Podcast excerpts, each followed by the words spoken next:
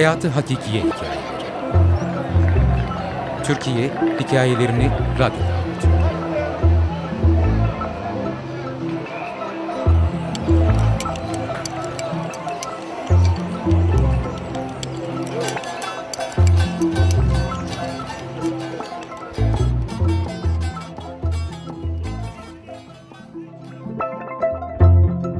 Yüzünde nazımca bir gülümseme. Bu dünyada bir nesneye yanar içim, göynür özüm. Yiğit iken ölenlere göğ ekini biçmiş gibi. Yunus Emre Saatlerdir insan ve araç trafiğinin olmadığı, bakir doğayla örülü bir yoldayız. Aylardır gözlerimizin gördüğü tek manzara olan bir avuç gökyüzünün ardından yanımızdan akıp giden ve bize uçsuz bucaksızmış gibi gelen tarlaların, tepelerin her karesini zihnimize kazımak için pencereye adeta yapışmışız. Pencere dediğime bakmayın. Pencere dediğim şey yarım karış yüksekliğinde, bir karış genişliğinde bir delikten ibaret üzerindeki demir parmaklıkların arasından görebildiğimiz kadarıyla akıp giden manzaranın tadını çıkarmaya çalışıyoruz. Derinliğin bu kadar derin, yüksekliğin bu kadar yüksek olabildiği duygusunu yeniden yaşıyoruz. Zaman içinde kaybettiğimiz yükseklik, derinlik algısını bir bakıma yeniden duyumsamak, sanki tekrar dışarıda yaşıyormuşuz yanılgısı yaratıyor ama sadece kısa bir an için hafızamızı da yitirsek, Vernike Korsakov'da olsak, içeride olduğumuzu, dışarısıyla aramızda aşılmaz duvarlar olduğunu bize her daim hatırlatan işaretlerle çevrili dört bir yanımız. Nefes almanın bile bir maharet gerektirdiği, tekerlekli, metal, sıcak bir hücrede yapıyoruz bu yolculuğu. Dahası, ellerimiz kelepçeli ve askerlerin refakatindeyiz. Bu şartlar altında madden ve manen dışarıdaymış gibi hissetmek ne mümkün? Bedenlerimizin tutsak olduğunu acı bir şekilde hatırlatan iki şey var. Bileklerimiz her hareket ettiğinde kulaklarımızda çınlayan dünyanın o en bet sesi ve o sıcak havaya rağmen tene her dokunduğunda bedeni ürperten metal soğukluğu. Rüzgarı arkasına alıp gökyüzüne doğru havalanmış bir uçurtmanın yere bağlı ipi onu nasıl engelliyorsa bu kelepçeler de öyle engelliyor bizi. Bu haleti ruhiye içinde yol alırken manzara yavaş yavaş doğaldan yapaya doğru değişmeye başlıyor. Önce yeşilin tonları azalıp beton çoğalıyor, ardından dikey yapılar giderek yükseliyor. Asker, gardiyan, ayda bir yarım saat gördüğümüz yakınlarımız ve hücre arkadaşımız dışında başka insanlar görmeye başlıyoruz haftalar, aylar sonra. İnsanlara böyle özlem duyduğuma şaşırıyor.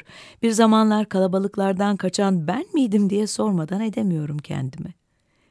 Yıllarca kör kaldıktan sonra görme yetisine aniden kavuşan bir ama hayretiyle seyrediyorum insanları. Herkes için sıradanlaşmış fakat bize olağanüstü gelen her yerin ve her şeyin fotoğrafını çekiyorum zihnimde. Hücrenin delirtici beyazlığında bu renk cümbüşü benim ab hayatım olacak biliyorum.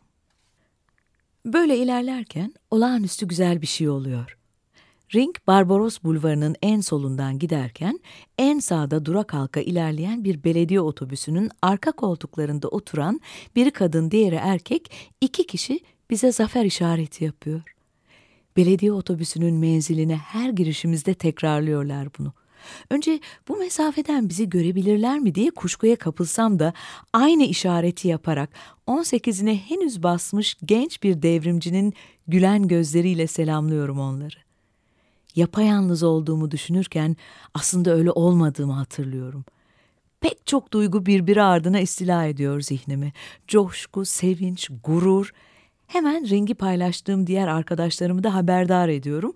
Onlar da selamlıyor bu cesur insanları. Ring duruyor ve nihai durağımıza geliyoruz.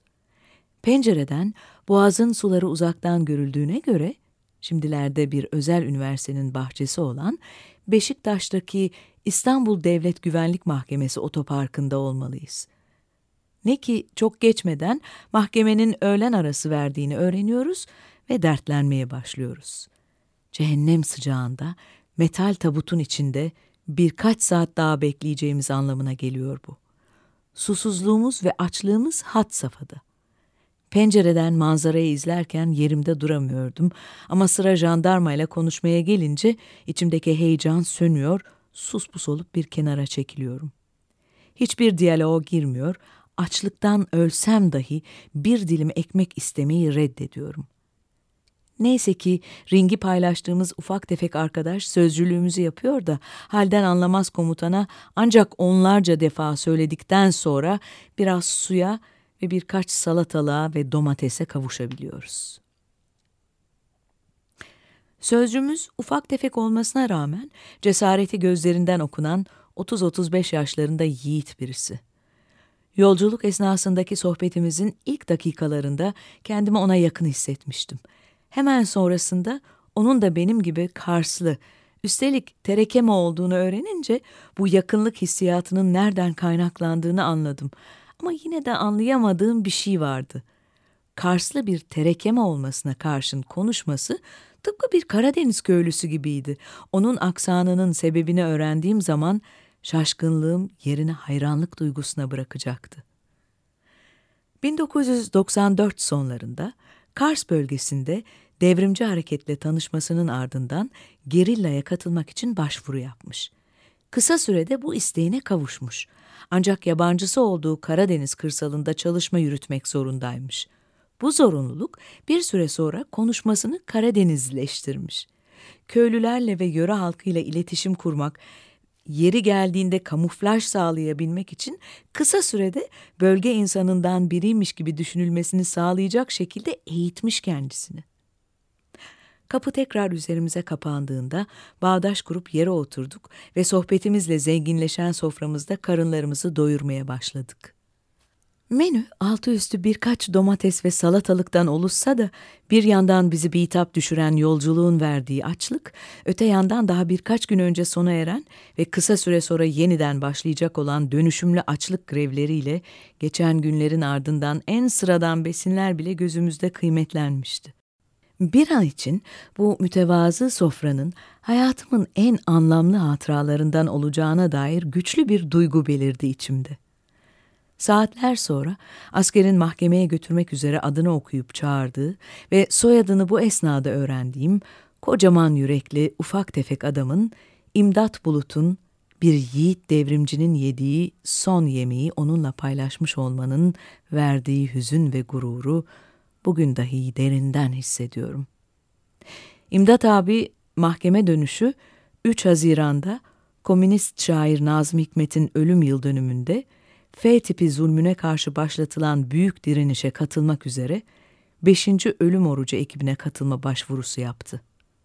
O akşam kendi olanaklarımızla F tipi zindanında ustayı anma töreni düzenlediğimiz esnada İmdat abinin de içinde olduğu ekibin ölüm orucuna başladığını öğrendim.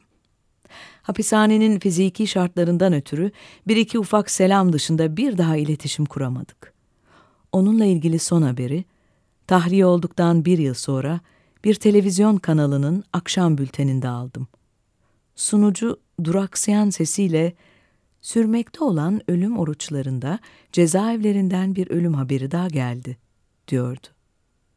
İmdat abi, 20 yaşıma basmamdan iki gün sonra 19 Kasım'da Ölümsüzler Kervanı'na katıldı. Bir Haziran günü Boğaz manzaralı Devlet Güvenlik Mahkemesi otoparkında ring içinde yediğimiz son yemeğin tadı gülen yüzüyle birlikte bir daha silinmezcesine hafızamda kazındı. Her 3 Haziran'da nazımca gülümsemesi aklıma düşer. Yüzünde nazımca bir gülümseme. Yazar Ersen Ulufer, Editör Ergun Kocabayık, okuyan Tibe Sara.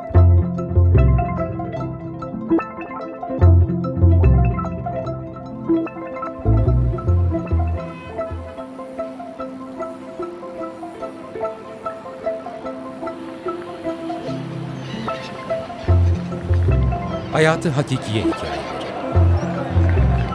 Türkiye Hikayelerini Radyo'da